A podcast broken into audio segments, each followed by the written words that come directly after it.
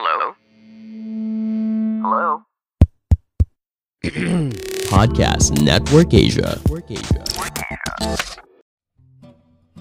Halo semuanya, selamat datang kembali ke Podcast Minimalis Indonesia. Podcast ini didukung oleh Podcast Network Asia. Untuk mempelajari lebih lanjut tentang podcast lain dan juga networknya, ikuti Podcast Network Asia di media sosial atau kunjungi situs webnya di podcastnetwork.asia. Podcast ini juga didukung oleh Podmetrics, cara termudah memonetisasi podcast kamu. Daftar sekarang gratis di podmetrics.co.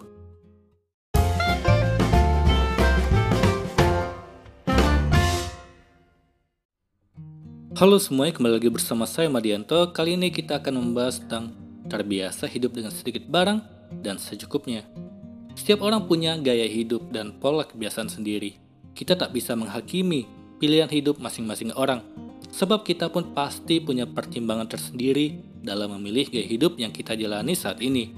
Selain itu, tingkat kenyamanan dan prioritas setiap orang pun tidak sama.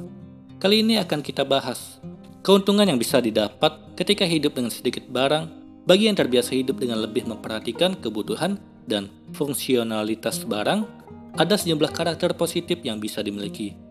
Setidaknya ada lima kelebihan yang dimiliki oleh seseorang yang terbiasa hidup secukupnya. Yang pertama punya kemampuan mengelola waktu yang lebih baik.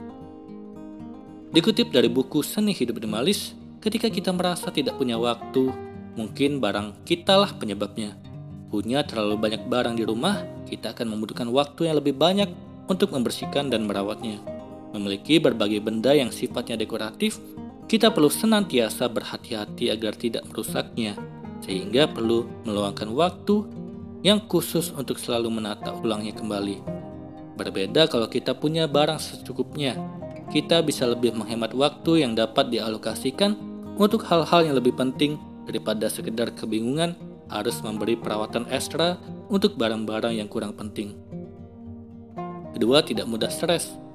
Coba pikirkan berapa banyak energi yang kita habiskan untuk memiliki suatu barang, merencanakan untuk membeli, membaca ulasan tentang barang tersebut, mencari diskon, mengumpulkan, atau mungkin meminjam uang untuk membeli, pergi ke toko, membawa pulang, mencari tempat penyimpanan, belajar menggunakan barang tersebut. Dengan kata lain, semakin banyak barang yang kita punya, semakin rentan kita mengalami stres. Sedangkan dengan memiliki barang secukupnya, yang sesuai kebutuhan, kita tidak akan mudah mengalami stres. Ketiga, lebih terbuka dengan pengalaman baru. Misalnya kamu berencana berlibur ke suatu tempat.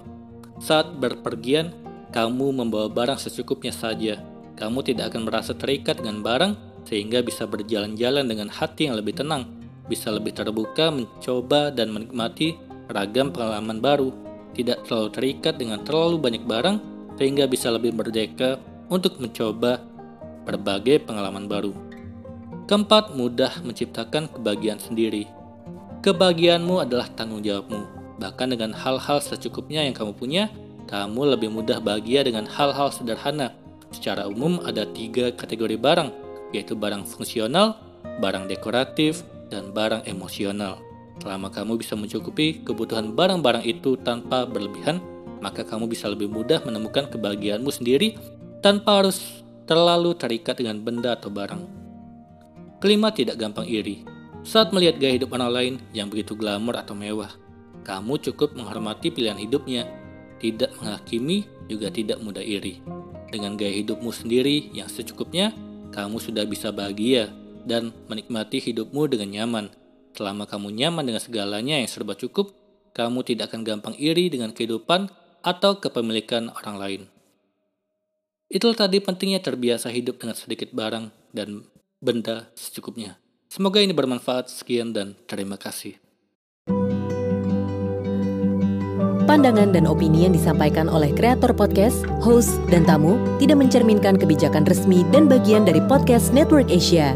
Setiap konten yang disampaikan mereka di dalam podcast adalah opini mereka sendiri dan tidak bermaksud untuk merugikan agama, grup etnik, perkumpulan, organisasi, perusahaan, perorangan, atau siapa pun dan apa pun.